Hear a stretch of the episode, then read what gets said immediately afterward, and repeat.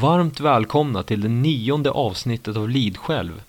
Jag som pratar heter Linus Karlén och med mig har jag återigen Daniel från bloggen Brons och blod. I detta avsnitt tänkte vi prata om skapelsen och Ragnarök.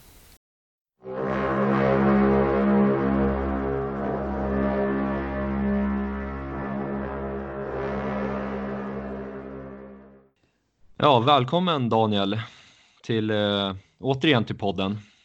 Ja, tack så mycket. Det var, var det ett halvår sedan, någonting sånt, innan sommaren, precis vid eh, midsommar tror jag. Ja, det känns som några, någon vecka sedan, men det kan ja. vara säkert mycket länge sedan. Tiden flyger. Hur, ja, går, hur går det med eh, bloggandet? Jo, det går bra. Jag tror att faktiskt det förra, förra inlägget var det hundrade inlägget. Oj, det går undan. Ja, det gör det. Så det blir inte så mycket skrivet på den här boken tyvärr. Nej, men den kommer. Men eh, bloggen är ju jättebra också. Det är den enda bloggen som egentligen belyser bronsåldern, som jag vet i alla fall. Ja, det finns ju många andra också, eh, fast kanske mest på engelska då. Ja, på svenska förstås. Ja, och jag liksom håller, försöker hålla ett fokus på Sverige eller Norden. Liksom. Mm, mm. Så alla som lyssnar får ju såklart gå in på bloggen Brons och blod och den kommer ju länkas till i avsnittets information. Men idag tänkte vi prata om skapelsen och Ragnarök. Eller ja, och deras indoeuropeiska motsvarigheter. Så jag tänkte att du kan ju börja med att eh, berätta om eh, den indoeuropeiska urskapelsen eller den återskapande berättelsen om den. Just det. Ja, precis. Jag tror jag faktiskt eh, drog den här förra avsnittet också. Eh, men mm. det, det, är en bra, bra inledning här. För det här är alltså från en bok som heter Horse, The Horse, The Wheel and Language av en som heter eh, David W. Anthony. Så han har liksom tagit då de olika indoeuropeiska berättelserna, bland annat nordisk mytologi och även från Indien och Grekland och Rom och kelter och så vidare och så försökt liksom återskapa då den, den ursprungliga berättelsen som, som man måste ha berättat för varandra då ute på steppen i, i Ukraina. Eh, så man kommer känna igen sig här. Så vi ska se, vi, det är, idén med detta avsnittet är att jämföra. Så jag börjar med den, den mm. återskapade. Då. Så, Precis. I begynnelsen fanns det två bröder som var tvillingar. Så den ena hette man och på protoeuropeiska så blir det då eh, Eh, Manu. Och den andra, han hette Tvilling och det blir då på indoeuropeiska Jemo. Eh, de reste genom kosmos tillsammans med en jättelik ko. Så småningom beslutade sig man och tvilling för att skapa den värld som vi nu lever i. För att, viss, för att åstadkomma detta så var man, man då tvungen att offra tvilling. Eller i vissa versioner då så offrar de kon. Och av kroppsdelarna från detta offer så skapade man tillsammans med de himmelska gudarna som då var himmelske fader, krigs och stormguden, de gudomliga tvillingarna. Så skapade de alltså vinden, solen, månen, havet, jorden, elden och till slut alla de olika folkslagen. Man blev då i och med detta offer eh, den första prästen, så han skapade offerriten som var grunden för, för ordningen i världen. Mm. Så det är liksom det som är gemensamt kan man säga. Ja. Eh. Var det var det, det, det man har, kan återskapa? Var det allt eller?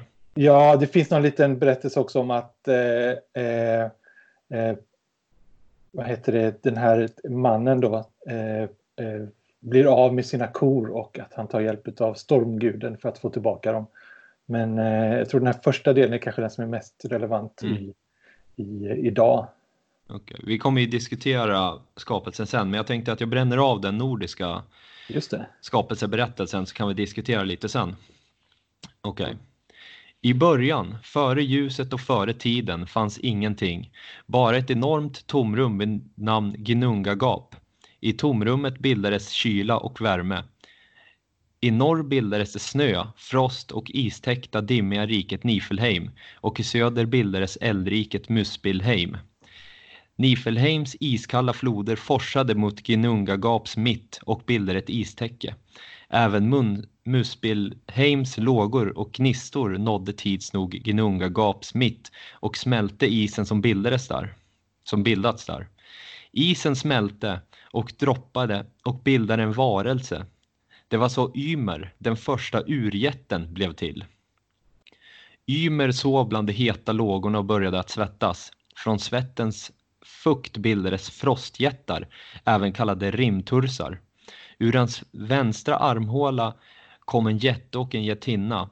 Hans vänstra fot avlade en son med den högra och världen blev bebodd av jättar. Rimfrost smälte av hettan ner i Gnunga gap och av dropparna bildades en ko vid namn Audhumla. Ur Audhumlas juver forsade mjölk. Ymer drack av mjölken samtidigt som Aud Humbla slickade salt rimfrost från en sten. Vid dagens slut hade hon slickat så mycket att hon hade strukit fram svålen av ett huvud ur stenen. Aud Humbla fortsatte slicka mer och mer och en kropp uppenbarade sig. På den tredje dagen var kroppen helt fri från stenen. Det var Bure, gudarnas stamfader, som hade frigjorts. Bure fick en son vid namn Bor med en jättinna. Bor gifte sig i sin tur med jättinnan Bestla och tillsammans fick de tre söner, Oden, Vile och Ve. Gudarna och jättarna levde tillsammans men kunde aldrig riktigt komma överens. Gudarna ville ha lugn och ro medan jättarna var vilda och skapade kaos. En dag mördade Oden, Vile och Ve tillsammans Ymer och blodet från hans kropp dränkte alla jättar förutom Belgemer och hans fru. Av Ymers kropp skapade de världen. Hans kött blev land, hans blod blev hav och sjöar och hans hjärna blev moln. Hans hår blev skog och växter och hans ben och tänder blev stenar och berg.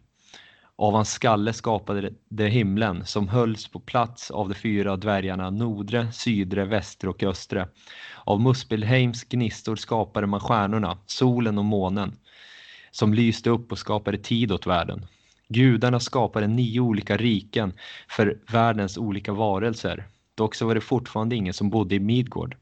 Oden, Vile och Ve gick längs havsstranden och såg ut över världen de skapat. Då fick de syn på två stycken trästammar som låg och flöt i vattnet. Gudarna drog upp dem på land och göt liv i dem. Det blev de första människorna.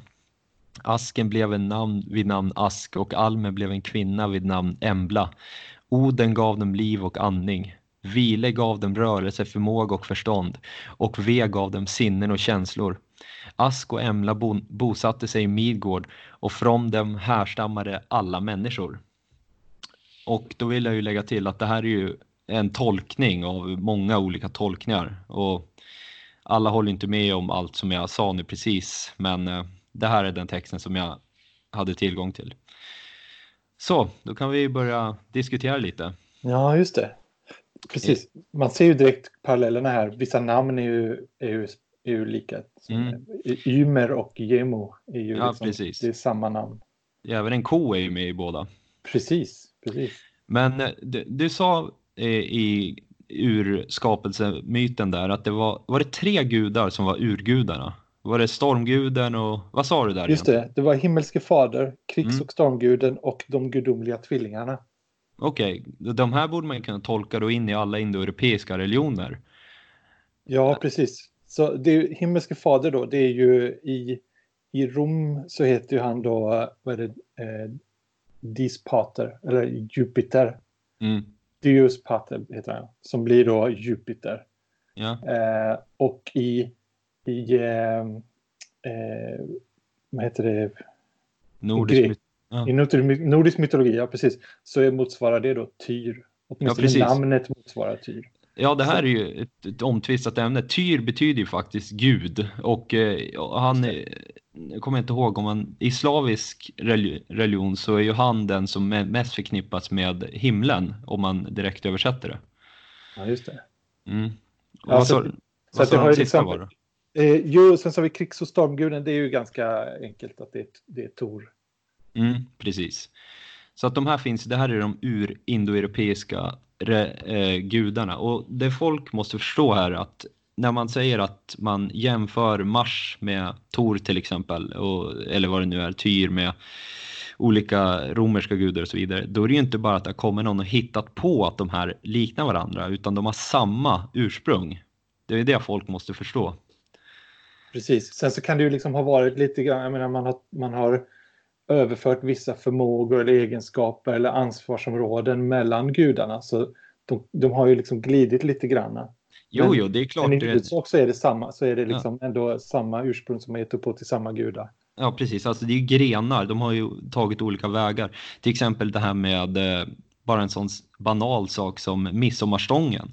Då har ju i England och i Tyskland och i, alla, eller i andra europeiska länder och sådär, då har du ju en majstång. Fast, alltså, fast den är på några, det kanske är någon månads skillnad, den har lite olika betydelse och så här, men egentligen är det ju samma eh, ur, ur eh, grund va? fast den har bara, den har liksom, den har blivit skild med tiden.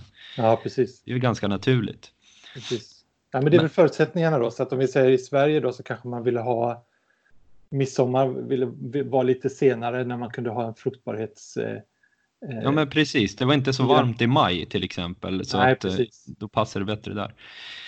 Vilka källor är det den nordiska skapelsemyten kommer ifrån? Eh, jag tror att den främsta är väl eh, Völuspava som, mm. som innehåller hela berättelsen. Men det spännande med den är att den innehåller hela berättelsen liksom från början till slut. Mm. Det betyder ju völvans spådom. Just det, så hon berättar vad som kommer att hända mm. i framtiden och vad som har hänt också för länge sedan antar jag. Mm. Vi kan gå igenom lite vad som händer egentligen i den nordiska skapelsen. Först och främst Gnungagap, det betyder den magiska avgrunden. Eh, Ymer betyder tvilling. Audhumla betyder den högmjölkande eh, kulliga, jag vet inte, kon kanske. Kulliga kon, jo hon är, hon är tjock va? Jaha okej. Okay. Jaha, okay. Eh, Bure betyder fader eller avlare och han beskrivs som vacker att se på, stor och kraftfull. Och det som egentligen händer i den här det är att eh, jättarna kommer men de är osymmetriska och de är lite kaosartade. Så kommer gudarna som då är symmetriska och vackra och liksom skapar en ordning i allting. Och det är väl det som är hela, hela den historien. Det handlar om just ordning mot kaos. Mm. Så man har vissa krafter i världen som vill skapa ordning och så har man andra krafter i världen som vill skapa kaos och det handlar liksom om spelet mellan dem. Precis. Skapa, för har man för mycket ordning så kan det bli väldigt statiskt och kanske inte mm. hända så mycket. Det här är ju genomgående egentligen om man kollar på myterna i stort. Uh, jag tänkte kolla, är Ginungagap, det finns ju lite teorier om vart det ligger. Och uh, enligt en 1400-talsskrift vid namn Gripla så skulle det ligga mellan Vinland, det vill säga dagens Nordamerika och Grönland. Och ja. även islänningen Gudbrandir Torlaksson håller med om det här. Och eh, Adam av Bremen, han säger bara att den låg långt upp i norr. Ja, just det. Alltså det, det, jag tror att i den här indoeuropeiska så, så är det väl kanske inte så sannolikt att, den, att det ligger där. Va? För här säger de, där säger de att, den, att de färdas genom kosmos, att det är liksom tomt, det finns ingenting, det är bara ett tomrum. Mm. Så det här det, är ju ganska sentida tolkningar. Ja, 1400-talet och 1600-talet och så. Ja, precis. Men I och för sig, Adam av Bremen, han levde ju hyfsat tidigt. Så. Ja, det var väl under vikingatiden? Va? Ja, i vikingatidens slut. Ja, just det. Det är ju han som har skrivit om blotet i Uppsala. Just det. Fast han aldrig var på plats.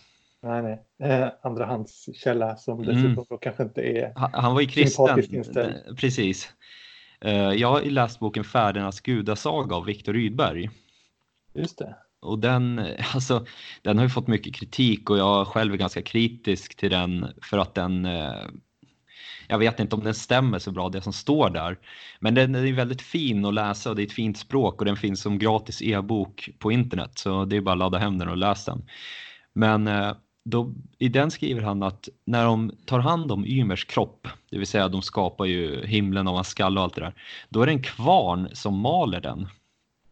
Och ja, det, de maler ner hela kroppen och skapar, den genom den här, skapar världen genom den här eh, kvarnen. Då. Och den här kvarnen den drivs av nio jättekvinnor. Och de här nio jättekvinnorna, det ska då vara Heimdals nio mödrar. Och det här, ja, det, men jag har inte läst det någon annanstans än där. Så det är Nej. väl något han har hittat på helt enkelt. Ja, just det. Ja, det, det, är väl en, vad ska man säga, det är inte en, det är en litterär tolkning utav, utav Edda-berättelserna. Ja, precis. Det är ju, precis. Men uh, det är ju en intressant teori för att ingen kan ju leverera en riktigt uh, god teori om vilka Heimdals nio mödrar är. Det sägs ju alla möjliga grejer, men precis. Så man kan ju hitta på kanske, jag vet inte. men, men uh, det är intressant att den nordiska skapelsen eller den indoeuropeiska skapelsen i stort, den motsäger inte Big Bang. Utan det Nej. skapar en explosion egentligen som skapar och så blir det mer och mer avancerade livsformer. Ja, just det. Så ja, vi, vi är inte emot Big Bang. Nej, just det. Vet du, vet, du vet, Big Bang var ju faktiskt en kristen uppfinning. Det var ju en jesuitpräst som uppfann det. För okay. att eh, då på, det var det 20-talet tror jag, så var den den mest populära teorin var att universum alltid hade funnits. Mm. Och att det liksom bara, ja, allting var som, allting hade alltid varit som det var nu. Men det tyckte de inte riktigt om. Så de ville ha en skapelse så att påven eh, sponsrade då ett observatorium eh, där de forskade om de här sakerna. Okay. Eh, så, så från början var det så. Men nu, nu eh, vet jag att alltså, vad heter han, Stephen Hawking och de här har ju haft mm mycket diskussioner med kyrkan. Mm, men alltså det känns ju väldigt så här, okristligt med Big Bang. Ja. Det går lite stick i stäv med hela... alltså. Nej, precis. Nej, men, så, som sagt, den, den kräver ju, kristendomen vill ju att man ska ha en gud som är liksom hela tiden, han till och med skapar eh, alla varelser och han är med och man kan prata med honom och så vidare. Mm. Ja, jag, är inte, jag är inte alls, eh, vad ska man säga, jag är odöpt sedan barndomen och okay. jag har inte... inte... Nej, men jag, jag tänker, jag menar, hur, hur var, var hans teori? När, om han var en jesuit, hur var hans teori kring det här? Var det då att Gud skapade Big Bang? Ja, precis. okay, och, sen, okay. och sen lät han det vara. Så det var det som var liksom hans... Så, så det var ju väldigt bekvämt men, då, för att då kunde man liksom... Eh, jo, låta men... Gud vara utanför universum. Liksom. Ja, men den där känns ändå som många kristna kör med fortfarande. För att det är så okej, okay, Big Bang, visst, det kanske är så. Men, då, men hur kan det bli ingenting, någonting från ingenting? Så de är, de är ändå där och liksom ja, precis. hävdar det. Ja, precis. Um, jag har ja. lite autistiskt tagit fram hur många som heter Ask och Embla här i Sverige också. Åh, oh, spännande. ja. Eh, Ask det är ganska ovanligt namn. Det finns 191 män och 7 kvinnor som heter Ask i Sverige. Och Embla som då betyder liten alm, det är desto vanligare. Det är 1581 kvinnor som heter Embla och ingen man. Nej, men, ja, men det är intressant ändå att eh, för Embla borde ju, det skulle man ju studsa lite över om man, om man träffade på någon som hette det. Ja, jo, det kanske, du kanske kan döpa om du får en dotter till Embla, det är ju ändå ganska fint. Så. Ja, precis. Ta, ta Ask som är tredje namn. Ja. um, jag tänkte bara en sak. Det finns, om vi ska återgå till skapelseberättelsen, så har vi det här med att de slår ihjäl eh, den här stora jätten Ymer.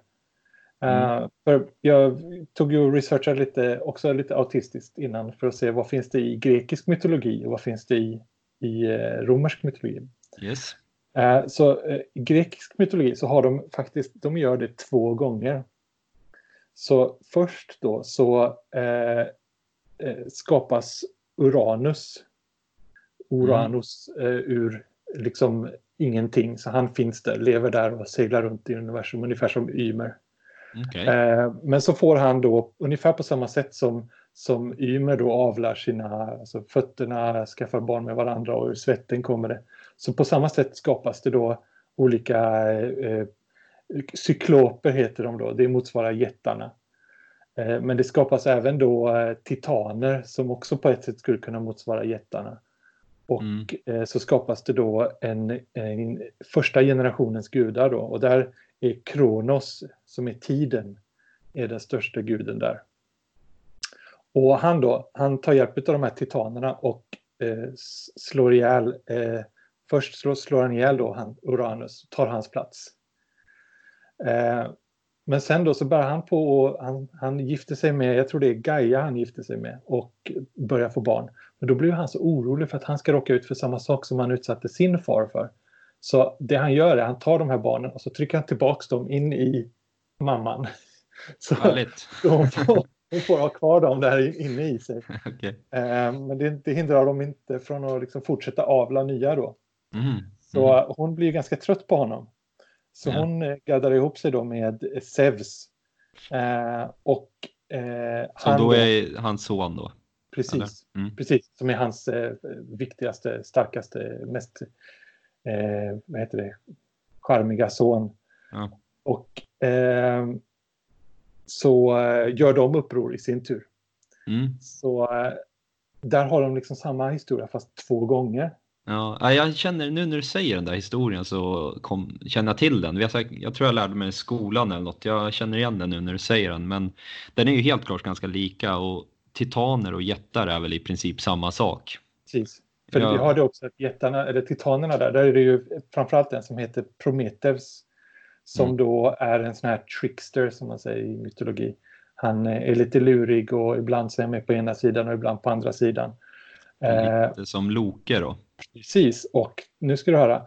Eh, Prometheus då, han, han tar elden ifrån gudarna och ger den till människorna. Mm. Och det är det som liksom på något vis ger människorna sin dess själ och liksom upplysning. Och som straff då så, sätts, så binds han fast eh, på ett berg i Kaukasus.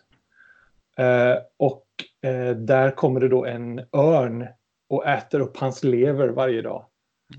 Och sen okay. så på natten så återföds och så ja, läker då. Sen så ja. på dagen så kommer det. Så det är som sagt, det är extremt likt Loke. Mm, ja, väldigt likt. De har mycket så här sköna psyko psykologiska och brutala straff i, i grekisk mytologi. så här, Sisyfos är också ett klassiskt exempel. Han som ja, måste trycka en sten liksom eh, upp och ner för ett berg och lyckas aldrig. Han bara kommer Ja, precis. Det är som mardrömmar liksom. Mm. Ja, men äh, har vi något mer på skapelsen eller? Äh, nej, jag tyckte bara en sak till. Det är ju det här att egentligen kan man väl säga att det här med Asa och Vanakrigen äh, mm. ingår på ett sätt i skapelsen. För inte förrän det är över så har vi liksom så är gudarnas skara komplett. Och, ja, precis. och det är ju liksom två ätter utav gudar som strider med varandra.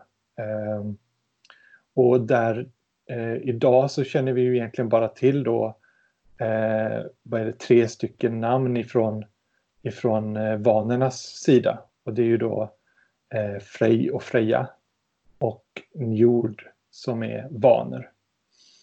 Så de, eh, men det fanns många fler då och de har då ett krig som börjar med att eh, eh Oden kastar ett spjut då över eh, vanernas armé och i och med det då så är kriget igång.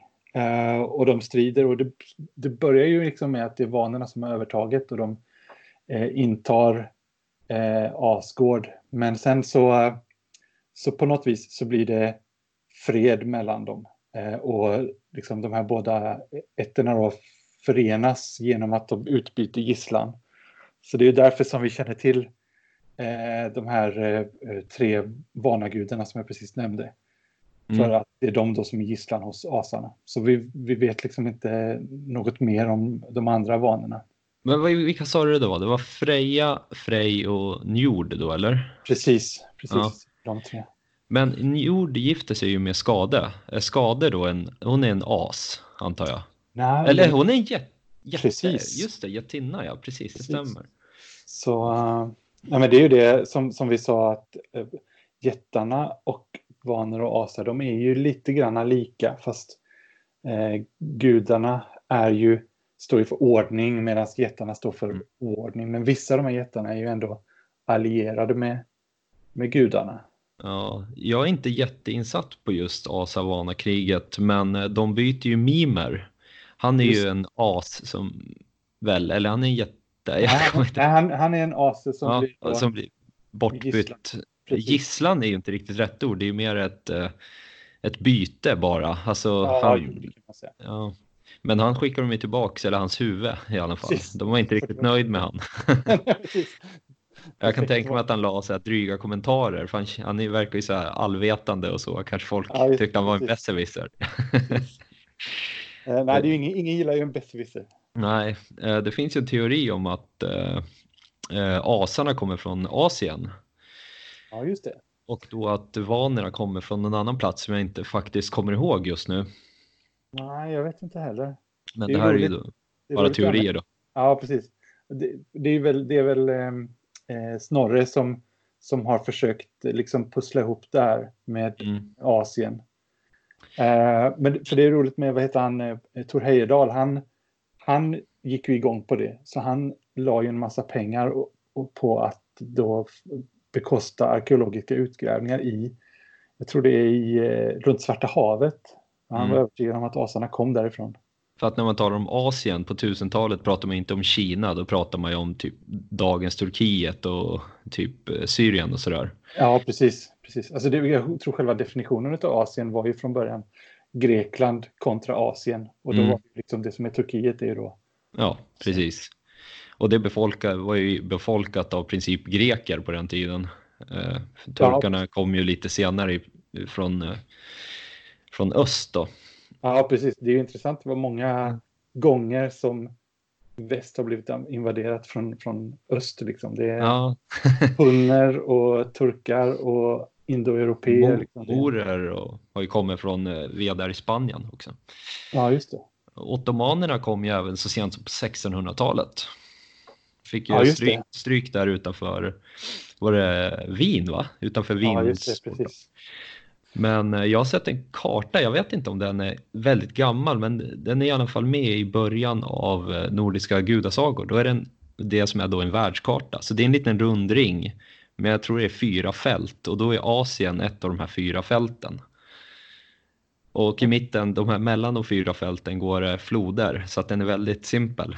Ja, just det. Just det. Jag vet inte riktigt vart den kommer ifrån, det är kanske Snorre som har målat den också. Ja, nej, precis. Ja, man, har ju gjort, man har ju liksom navigerat, så man har ju, varit, man har ju kunnat liksom navigera längs med kusterna då och se de stora Mm. floderna. Så hade man bara dem på papper så, Ja, så klarar man sig ganska bra. Ja, du kan ju följa liksom, eh, du kan ju ta det hur långt som helst om du bara följer en kust. Eh, Fast det tar ett tag att följa en kust, men Ja, ja, till slut kommer du fram. Ja, exakt. Men har du någon indoeuropeisk koppling eh, på Asa-Vana-kriget? Ja, för det är det som är, det är mycket intressant för det är en av de sakerna som finns bevarat i, eh, i eh, till exempel romersk mytologi. För romersk mytologi är speciellt på det sättet att de låtsas ju inte om att det är my- myter utan de säger det här är våran historia. Så att eh, vi hade då Romulus som var eh, tvillingbror till Remus. De båda var de som grundade Rom. Så själva, alltså just Romulus grundade Rom. Mm. Och eh, då byggde han den staden och ehm, han liksom befolkade den staden då till att börja med med eh, lösdrivare och, och eh, kriminella och sådana som var liksom utanför samhället, sådana som inte fick bo i de andra städerna runt omkring. Fredlösa och Precis. kan man ju nästan säga. Ja, exakt. Alla fredlösa då fick, fick Mm. bo där. Men det var ju ett problem. De var ju män allihopa. Så han måste ju på något vis försöka skaffa fruar till de här. Så det de gör då det är att de bjuder in då till invigning utav deras nya fina stad. Och eh, bjuder in då grannfolken. Och då är det ett av de grannfolken som heter Sabinerna. Som kommer dit med hela familjerna då. Eh, men på en given signal så eh, kidnappar de de unga vackra kvinnorna utav sabinerna då, och tar dem till fruar. Det är väl så att de driver bort männen med våld. Ja, just det, precis. Så, ja. Så, så efter det då så är det ett krig eh, mellan de här sabinerna och romarna. Och sen så hela resten av Roms historia är i stort sett krig.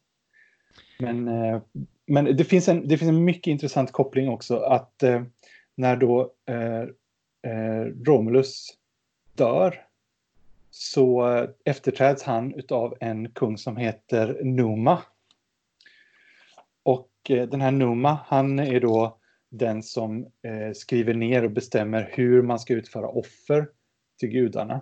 Okej och hur man startar krig. Och det Vi- intressanta då är att enligt hans regler så startar man krig genom att man går till gränsen och så kastar man ett spjut in över fienden. Okej. När är det här? Är det 200-talet eller tidigare? Eller? Eh, nej, enligt Roms egen kronologi då så är detta kanske 700-talet före Kristus. Så jag tror Oj de att, deras, ja, att Rom grundades 753 före Kristus tror jag. De har ett Mm. exakt datum. Okej. Och, Ja. och också om vi knyter an till den här eh, skapelseberättelsen så är det ju Numa. Om man ändrar på det så blir det Manu. Och då Mhm. har vi namnet på eh, den första, första mannen då som var eh, med i skapelsen. Och var det även han som grundade offersedeln? Precis, så Ja. det, är, det, är en, det finns en väldigt tydlig koppling där. Mm. Jag vill bara lägga till en grej här angående eh, sabinerna och romarna, kriget, att de började ju slåss på ett slagfält. Men då kom alla kvinnor som då hade kidnappats av romarna till slagfältet och då hade ju vissa gift och redan fått barn med en massa romare så de hade kopplingar till sina nya män och de hade även lojalitet till sina bröder och fäders och alla som är på sabinernas sida och bad dem avbryta kriget och så avbröts kriget och då, sen enades folken och sabinerna då i princip upphörde. Ja, för precis. romarna tog ju över helt enkelt. Precis. precis. Så det finns, det finns ju paralleller där också att man har ett krig och sen så eh, försonas man. Och så Mm. är det det som är det nya folket eller det nya guda. Precis, och just att eh, man byter kvinnor är ju väldigt gammal, väldigt gammalt sätt att försona olika stammar och folk och så vidare. Ja, precis. Jag menar, du bara titta på, på kungafamiljerna under, liksom, i Europa under århundraden som ju har då Mm. gift bort sina döttrar kors och tvärs för att bygga allianser. Absolut. Och även om man kollar på ganska sena studier med genetik på olika stenåldersstammar och, och så vidare. För att kvinnorna är oftast inte födda där de dör, men männen är det. Just det, just det. Exakt, så det är män, kvinnorna när de gifter sig flyttar hem till männen.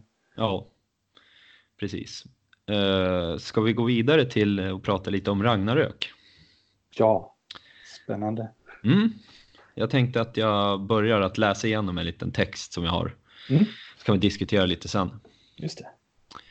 Och det här är ju då en tolkning så alla, det finns ju olika tolkningar om hur, hur saker och ting gick till men det här är den jag har valt. Det hela börjar med en tre år lång fruktansvärd vinter vid namn Fibulvintern. Isiga vindar blåser och solen slutar att skina. Därefter följer nöd, lidande, svält och krig över hela världen. Fränder slåss mot varandra och alla blodsband glöms. Människornas samhällen rasar samman av girighet, dekadens och incest. Tre tuppar galer. Kambe galer för raserna, fjalar gaser för jät- äh, galer för jättarna och en tredje tupp galer för de döda i Hels rike. Sedan kommer det våldsamma naturkatastrofer. Solen svartnar, jordbävningar, berg rasar ner i havet och stjärnorna störtar från skyn. Fenrisulven bryter sig loss från sina kedjor. Midgårdsormen reser sig ur havet och skapar en flodvåg som översvämmar allt land. Ormens gift förgiftar vattnet och landet. Det dödas skepp Nagelfar seglar ut samtidigt som människorna vandrar ner mot Hel. Hela världsträdet Yggdrasil skakar i sina grundvalar. Fenrisulven slukar till slut solen och Hate slukar månen. Eldjätten Surt och hans här av eldjättar träder fram ur Muspelheim. Surt svingar sitt sv- flammande svärd och splittrar himlen och förstör bron Bifrost. På Vigris tusenmila slätt möter han upp med Loke, Midgårdsbormen, Fenrisulven, Garm, Hymer och isjättarna. Tillsammans marscherar de mot gudarna. Heimdal blåser i galgarhornet och gudarna samlas för ett sista råd. Dvärgarna gömmer sig i sina hålor. Gudarna slår upp portarna till Valhall och Folkvang och alla eh, fruktar då de rider ut med Oden i spetsen. På Vigrids slätt stöter härarna samman. Tor dräper Midgårdsormen men hinner bara ta nio steg innan han dör av dess gift. Loke och Heimdall spetsar varandra med sina spjut. Vargen Garm slukar Tyr men Tyr dödar honom inifrån. Surt dödar Frej som bara har ett hjorthorn som vapen. Oden dödas av Fenrisulven, men Vidar hämnas honom genom att bända sönder ulvens käkar. Gudarna och kaosmakterna förgör varandra. Världen sätts i brand innan den sjunker ner till havets botten. Det enda som finns kvar efter Ragnaröks slutgiltiga strid är Nidavallen. Där möts de överlevande gudarna. Tors söner Modo och Magne, även Odens bror Vile och hans söner Vidar och Vale. Balder återuppstår för att leda asarna. Två stycken människor överlever också.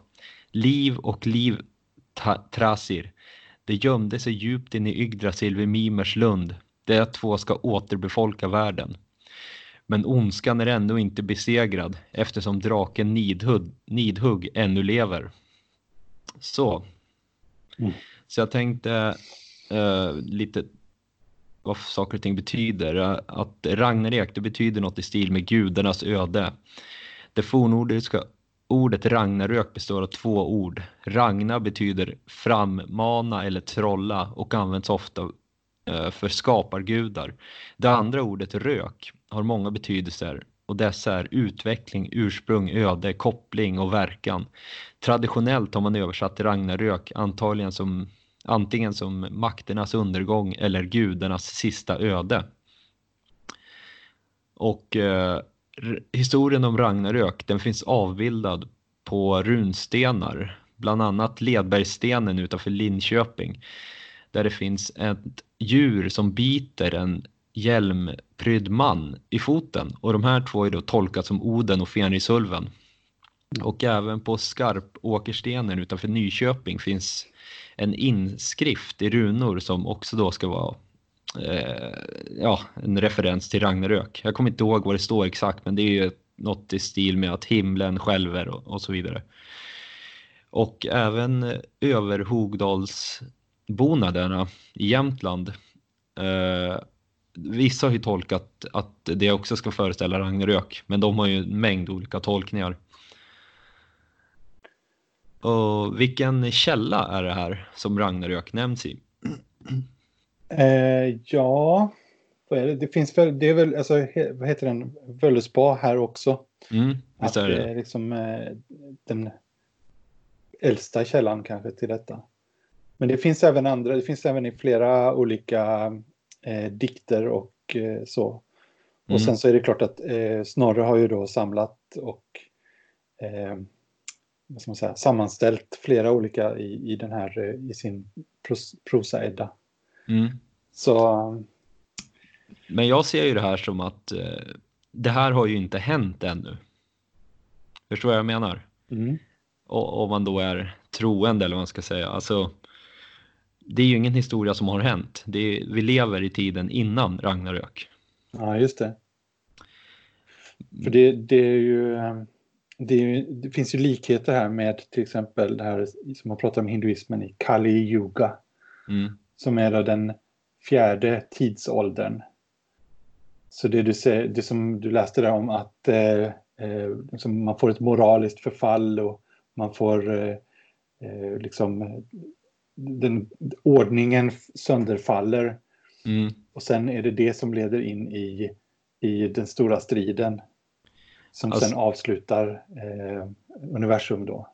Ja, men eh, det är ju, alltså samhällen klarar ju inte av total oordning. Då till slut faller de ju samman och de har väl något på spåret här kanske. Ja, Redan precis. på den tiden. Precis.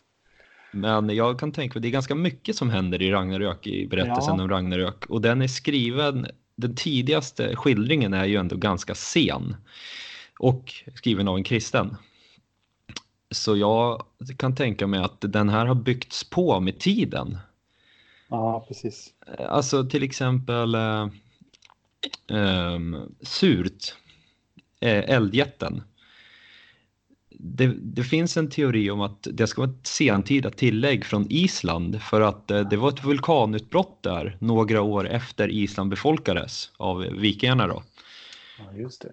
Och eh, då, kan, då finns det att det här eh, Surt, han, han kom från den händelsen. Utan, alltså, ryktet om den här händelsen och deras förståelse om den och så vidare spred sig till Norden och så blev det här en, en stor grej. För att en, ett annat sak som talar för det här att när en vulkanutbrott, man vet att det har varit vulkanutbrott vid, det här, vid den här tidpunkten. Det har man väl kunnat, eh, inte vet jag, testa sig fram på något sätt på marken. Ja, just det. Men eh, en, då, varje gång ett större vulkanutbrott äger rum, då bildas det så kallade lavatunnlar. Lavagrottor, alltså lavan spränger sig upp via marken och så bildas de här tunnlarna. Ja. Och en av de här tunnlarna på Island, den kallas för surt källir, som betyder Ah. surt källare. Ah, Och, ja. och den har en särskilt intressant historia. Först och främst är den ju uppkallad efter surt, uppenbarligen. Och i den här tunneln som då var varm i flera hundra år efter eh, lava eh, vulkanutbrottet det. har ju gjort att folk har kunnat bott i den här tunneln.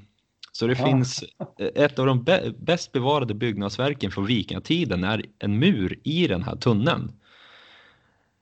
Eh, ja, och då är det då vilka bodde där och vilka, bod, vilka byggde den här muren? Och där finns ju lite teorier att eh, och de har, ju dater, eh, de har även hittat en hög med djurben i den här tunneln. Och det är daterat då man kan se att djurbenen har använts av olika grupper under en lång tid, omkring 100 år. Och då vet man inte, har, och man tror att de här djuren har offrats i tunneln. Aha. Och har de då offrats för att till en gud som man uppskattar eller har de offrats för att någon ska hålla sig i schack? En surtkult helt enkelt. Ja, precis. Och då kan vi... det, eh, nu kommer jag inte ihåg, men det ska finnas ett... Eh, just det här. Eh, det finns en bok som heter Land, Landnama bok. Just det. Och där står det att en man vid namn Torvald färdats över 14 mil för att läsa en egenskriven dikt för älgjätten. Och då kan vi tänka sig att folk möjligtvis har vallfärdats över hela Island för att offra till honom. Ja. Och den här muren, är den då byggd för att hålla honom nere där? Ah. Just Mm. det. Så att kulten kring surt har möjligtvis varit ganska utbredd under en tid på Island. Ja, precis. Han har även Surtsö, Surtsey, Surtsö finns även där. Just det. Så det var lite anekdoter. Ja, men det är spännande för som sagt, eh, eh, man, pratar ju om liksom de här gudarna som man offrade till, men, men eh, på många ställen så har man ju säkert försökt blidka eh, Mm. onda makter också. Ja, absolut. Ingenting kan ju vara ondare än ett vulkanutbrott som du bor på en liten ö. Precis, precis. Ja. Hela ön är en stor vulkan bara. Jag har varit på Island eh, faktiskt och, och vi var på ett museum där och då, de har ganska hårt liv, deras historia är ganska hård. Vid flera tillfällen har ju liksom en stor del av befolkningen dött av vulkanutbrott och andra typer av katastrofer och så, sådär. Ja, och det. man kunde bara äta fisk och ja, Alla jätte- fåren dog. Ja, precis. Och det finns ju inga träd eller någonting där heller. Nu finns ju lite teorier om att vikingarna huggit ner träden, men det är ju en vulkanö så jag har svårt att se att det skulle finnas några träd överhuvudtaget där. Vissa delar ser ut som månen i princip när du åker runt där. Ett För annat... det, ja. för, det, för jag tänkte på det att eh, det som händer också när det är stora vulkanutbrott är ju att eh, det blir samlas massa eh, här partiklar, stoftpartiklar högt upp i atmosfären. Mm. Så, så solinstrålningen minskar. Ja, precis. Och, Så kan, då kan det ju bli att man får år, flera stycken i rad, då det inte blir någon riktig sommar. nej, nej, precis. Som en fimbulvinter då. Ja, absolut. Det är bra. Eh, bra segga där inte nästa grej som jag tänkte ta upp. Eh, det är fibulvintern. Det är ju absolut som du sa. Att det kan bli, vi kommer ju alla ihåg när det var askmolnet där i Europa för några år sedan. Jag blev ju strandad i Barcelona. Kommer, kommer du ihåg det? När inget Ja, jag tror det var flyg sjönk? 2010. Ja, precis. Det kan det ha varit. Jag Men, hade massa kollegor som satt fast i Tokyo. Ja, nej, vi fick ju åka buss från Barcelona till norra Tyskland och sådär. Det var ju ett, i princip en krissituation. Men eh, eh, fibulvinter, det kan ju även vara baserat på ett nödår. Och nödår är ju absolut ingenting ovanligt. Det har ju skett nödår i Sverige på 1860-talet, ganska rejäla nödår. Och eh, i första avsnittet på den här podden så berättade jag om att jag tror att det var Värmland där folket återgick till hedendomen, alltså asatron, för att få stopp på det här nödåret. Men eh, jag tänkte citera lite här eh, från Sakarias Zacharias Wallmark i Burträsk utanför Skellefteå år 1867. Den 22 maj klockan 11.30 på dagen var det en grad kallt med vinden, vinden från nordöst. Stickbuskarna står ännu stångraka på träsket och snödjupet är ungefär en och en halv aln. Den 25 maj. Kall blåst och aldrig töat. Alldeles fullt snöföre, snödjup, en och en fjärdedels aln. Ja, nu står det i fel ordning där. Nu är det den 24, det var ju 25 innan lite konstigt. Den 24 maj körde vi på landfast is och ingen stickbuske var löstinad. Den första juni, det är ändå juni nu, mm. kört isen med gott slädföre. Den 17 juni blev träsket rent från is och på aftonen blev det stark storm och mycket regn. Den 19 juni släppt ut korna. Snö i skogen, icke löv, icke blåbärsblad och inget gräs. Och det finns ju, det kan ju absolut ha skett något liknande många gånger, många år kan det ha skett liknande. Ja, ja, precis. Och jag tänkte fortsätta lite där. Det här är ju samma år i samma ort. Först vid midsommar 1867 kunde man så i Burträsk-trakten. Även is låg längs Norrlandskusten så inga hjälpbåtar kunde ta sig upp med proviant. I slutet av juli blev det återigen frost i södra Lappland. I september förstördes skörden och frost i Västernorrland. Så det var ett ganska tufft år för Norrlandsborna. Mm. Och när frosten la sig där efter de hade skördat, en sån natt kallas för halshuggarnatten. Mm. Ja. Ja, nej precis. Så det, det är klart att det måste ha hänt under, under ja, uråldrig tid också. Ja, och då, och då är det ju ännu eh, liksom eh, värre. Ja, precis. Så det är ju klart att det blir mytomspunnet en sån ja. där sak. Ja, exakt. Men jag glömde nämna här angående Surt att eh, vi har, du har ju säkert sett Sagan om ringen eller läst boken. Ja, ja, ja. Mm. Där Balrogen där, den här eld, eldmonstret där i, i eh, grottan går över bron och ramlar ner. Ja, just det. Det ska då vara en, en tolkning, eller vad man ska säga, av Surt som går över bi, Bifrost. Ah, Bifrost också, ja. Ja, ja, ja. ja det har jag inte tänkt på. Nej. Men han, eh. han, eh, Tolkien var ju väldigt, väldigt, väldigt beläst på de här sakerna. Så, ja, alltså, så man märker ju liksom att eh, han har tagit väldigt mycket från nordisk mytologi. Ja, extremt mycket, mer än vad folk tror. Eh, till exempel, jag har några exempel. Det här är inget jag har skrivit upp eller antecknat, jag bara ska försöka komma ihåg det. Men i Hobbit så förvandlas ju Mikael Persbrandts karaktär till en björn. Just det. Och det ska vara ur en nordisk saga. Även kung Theoden som är Rohans kung. Eh, eh, Rohan, de ser lite ut som vikingar. De ska vi eh, Theoden betyder kung på fornnordiska. Ja, ja. Mm, och även svartalver och vitalver är ju lite äh, ljusalver. Äh, är ju, det kommer också från nordisk mytologi. Samt att dvärgar liksom bor i grottor och smider vapen och så vidare. Ja, så det är extremt mycket. Gandalf är ju namnet på en av dvärgarna från uh, Völlespa. Mm, det är väl även någon dvärg i Hobbit-filmen som heter något... Uh... Ja, det finns alla, jag tror nästan alla namnen där är, ja. från, är från den listan på dvärgar. Eh, jag för mig att till och med Tolkien har uttalat sig om vem Gandalf ska vara och då har han fått gett svaret att han ska vara en odenisk, odenesk vandrare. Just det. Just han har ju på sig sidhatt och, och så. Ja, ja, precis. Ja, ja, exakt. Nu har vi svävat ut ganska rejält här, men det. det. är jättebra. Just det, men om vi knyter an till gudarna då, för jag tänkte på det, eh, om man tittar på hur de dör, de här gudarna.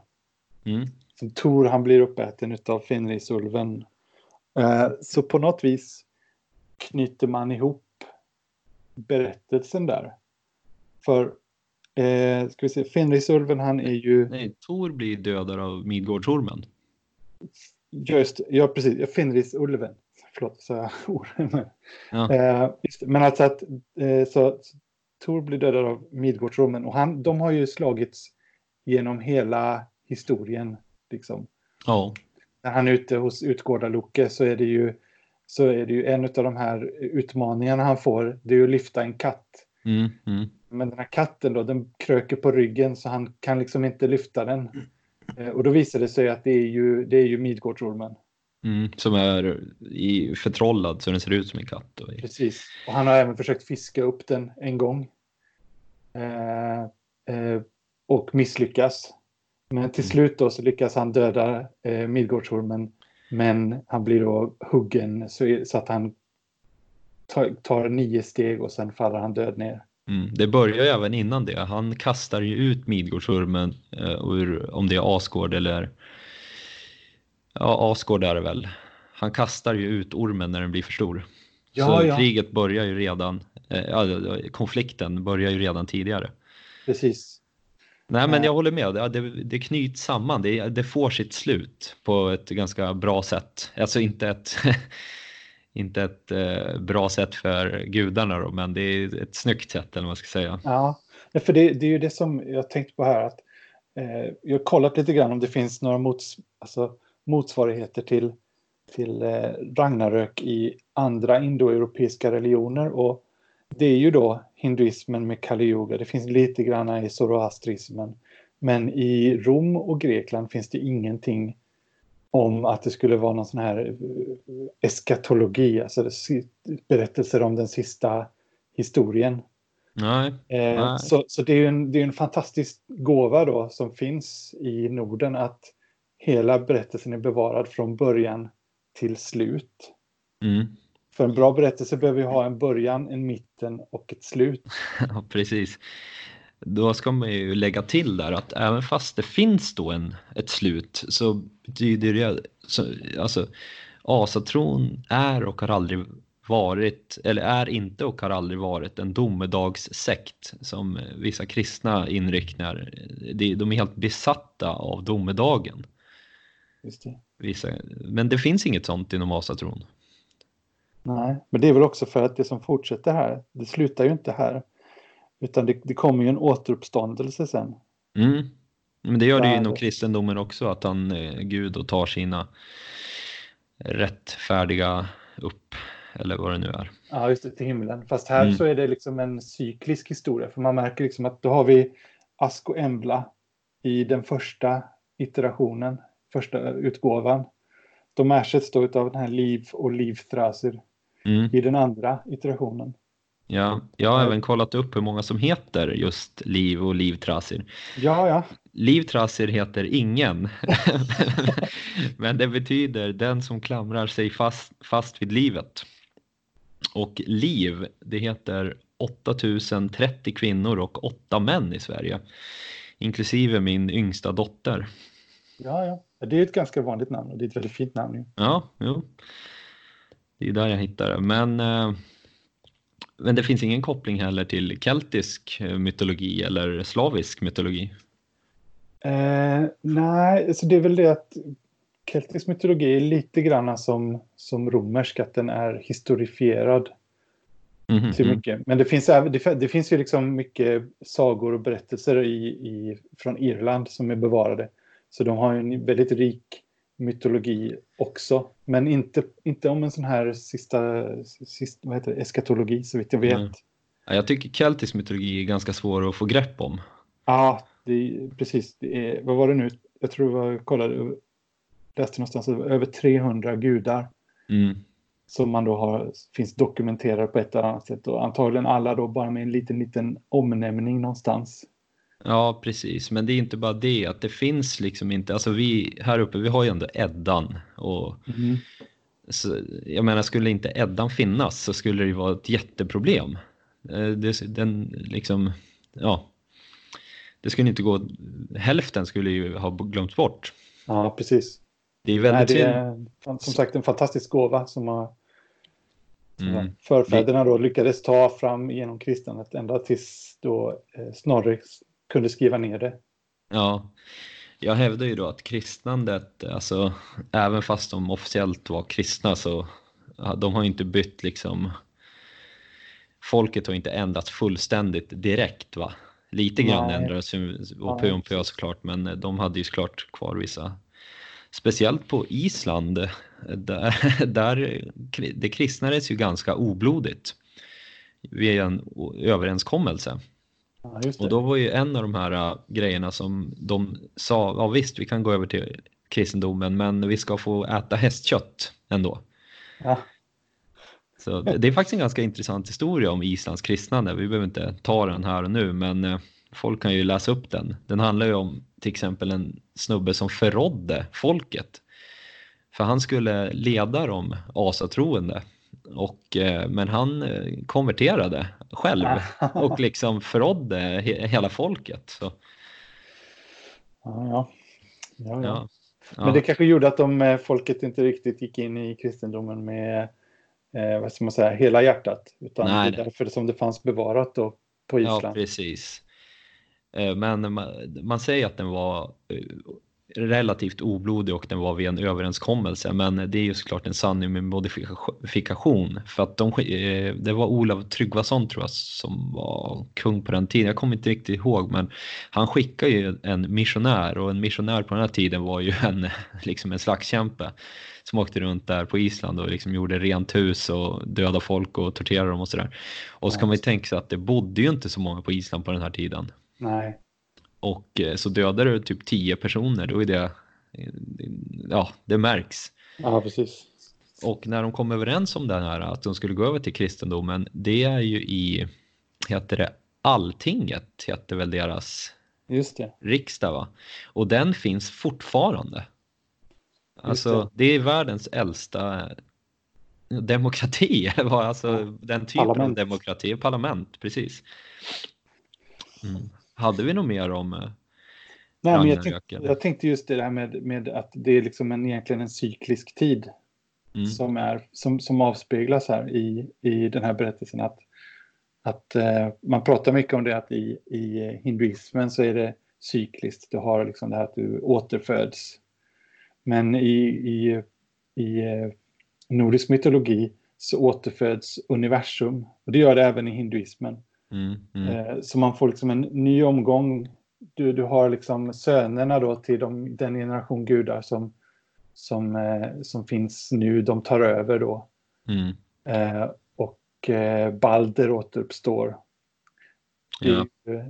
Det, Men sen hela landet ändras ju, alltså de, Midgård och allt land sjunker ner i havet och så är det den här heter det Gimle va, det som blir kvar. Så det är ju helt nytt, hela landet är ju, allting är utbytt helt enkelt. Ja just det, men jag tror i Völuspá står det att, att landet stiger upp igen ur havet. Okej, okay. jaha. Så att, mm. eh, så, men det är ju inte samma land, det har ju liksom förändrats utav detta. Det är ju bränt och skövlat och sjunkit och återuppstår. Men mm. i denna, när, när landet kommer tillbaka så är genast åkrarna redo att skörda. Mm. De är ja. säden är mogen där så det, liksom de här liv och livtraser de får, de får en bra start. Okej. Okay. Ja men det är ett bra slut, alltså det är ändå ett, ett lyckligt slut. Eh, alltså då, då behöver inte skriva, skulle de fortsätta liksom utveckla här då skulle det bara bli en helt ny mytologi som också eventuellt skulle ha ett slut och en början och så. Så de har liksom tagit Ragnarök och så en liten Visa bara att det går vidare även ja, efter precis. Det. Ja, Men eh, det kanske var allt vi hade att prata om i det här avsnittet. Ja. Nej, men Jag vet inte hur det... länge vi har suttit men... Jag tror det blir, det blir någon timme. Ja, något sånt. Men eh, då får jag tacka. Jag tycker ja, du har gjort bra research inför avsnittet. Ja, tack så mycket. Det är alltid roligt att vara med. Mm, absolut, du får vara med någon gång framöver också. Ja, men det låter bra. Ja, ha det bra. Hej, hej. Ja. Tack, hej. Tack för att du lyssnar. Jag skulle vilja passa på att säga några ord här i slutet. För det första, om ni gillar podden och vill stödja projektet så uppmanar jag er att köpa en av mina böcker. Ni kan helt enkelt gå in på Bokus eller något annat och söka efter Linus Karlén, Karlén med K. Jag har släppt två böcker. Den ena heter Inkräktarna och den andra heter Runstenar i Sverige. Det tåls att nämnas att jag får en endorfinkick varje gång någon köper en bok. Och för det andra så vill jag slå ett slag för min blogg slash hemsida lidskalv.wordpress.com Där kan man hitta, förutom podden då, texter, information eh, om projektet och kontaktuppgifter med mera. Tveka inte på att höra av er om ni vill tipsa mig om något eller bara fråga något. Det var nog allt jag ville få sagt, så återigen tack för att ni lyssnar. Frid och äring